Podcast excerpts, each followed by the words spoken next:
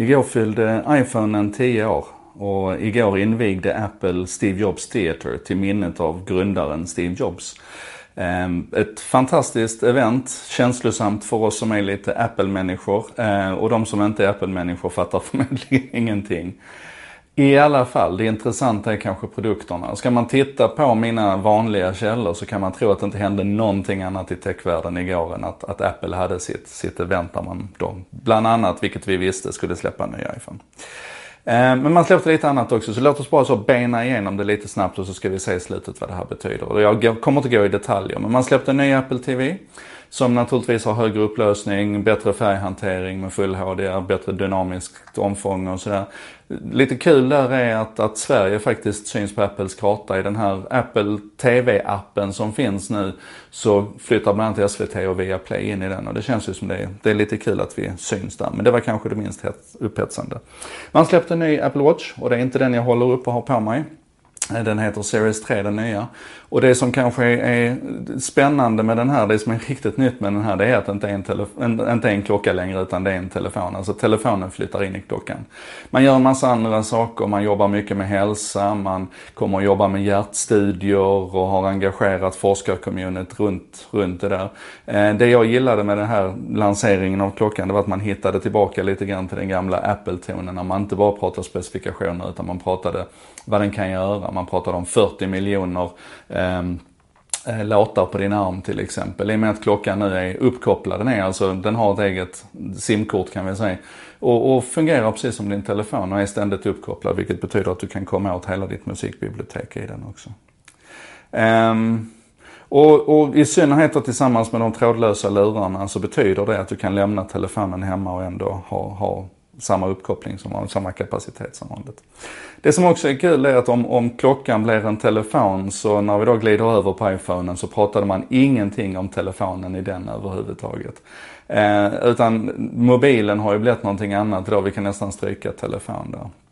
Om vi börjar med eh, produktserien här nu så har Apple både den dyraste telefonen någonsin för en iPhone X, flaggskeppet kommer att kosta, börja på 999 dollar. Eh, man pratar om priser i Sverige uppemot 12-13 000 kronor. Men man har också den billigaste iPhonen någonsin. Man behåller SE i sortimentet vilket betyder att du har en iPhone med ett insteg på 349 kronor. eller 349 dollar. Eh, och det där är spännande. Andra features som man kunde förvänta sig, en OLED-skärm, en, en mycket bättre skärm än den tidigare. Och där kan man också se kanske lite grann av anledningen till att telefonen blir så dyr. Man pratar om att den skärmen kostar 125 dollar per enhet och det det är mycket.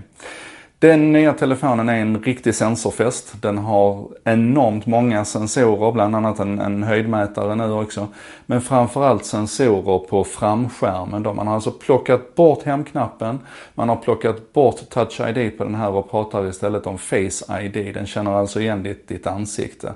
Och för att det ska funka i alla, under alla förhållanden och vara säkert, så pass säkert så att man säger att den är en på miljonen. Alltså, um, om du har en identisk tvilling så kommer den tvillingen förmodligen, alltså en enäggstvilling, kommer den tvillingen och förmodligen kunna låsa upp din telefon. Men annars är det så mycket teknik och så många sensorer och så mycket säkerhet inblandat i det här att det funkar. Och det funkar till och med i mörker och sådär. Det, det känns som man är inne på något spännande där. Um, Naturligtvis grymma kameror. Det jag gillar med den nya setupen här det är att den frontkameran, alltså den som du använder inåt dig så här. Det är kul att jag står med en Android-telefon här nu.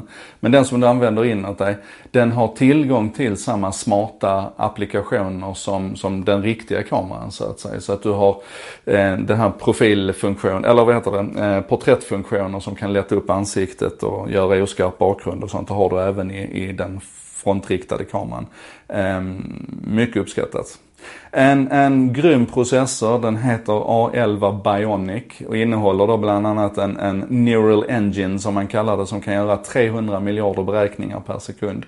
Och den här, den här um, Neural Engine den är då bland annat ansvarig för allting som har med maskinlärning och ansiktsigenkänningen och de här bitarna i den. Så att den, den, den Eh, den är specialdesignad för den sortens tunga krävande eh, processer. Men andra delar av A11-chippet är, speciellt konstruerat för 3D-rendering och AR. Och AR är någonting man trycker på mycket. Vi kommer att se massor av det i Apples AR-kit-system eh, framöver.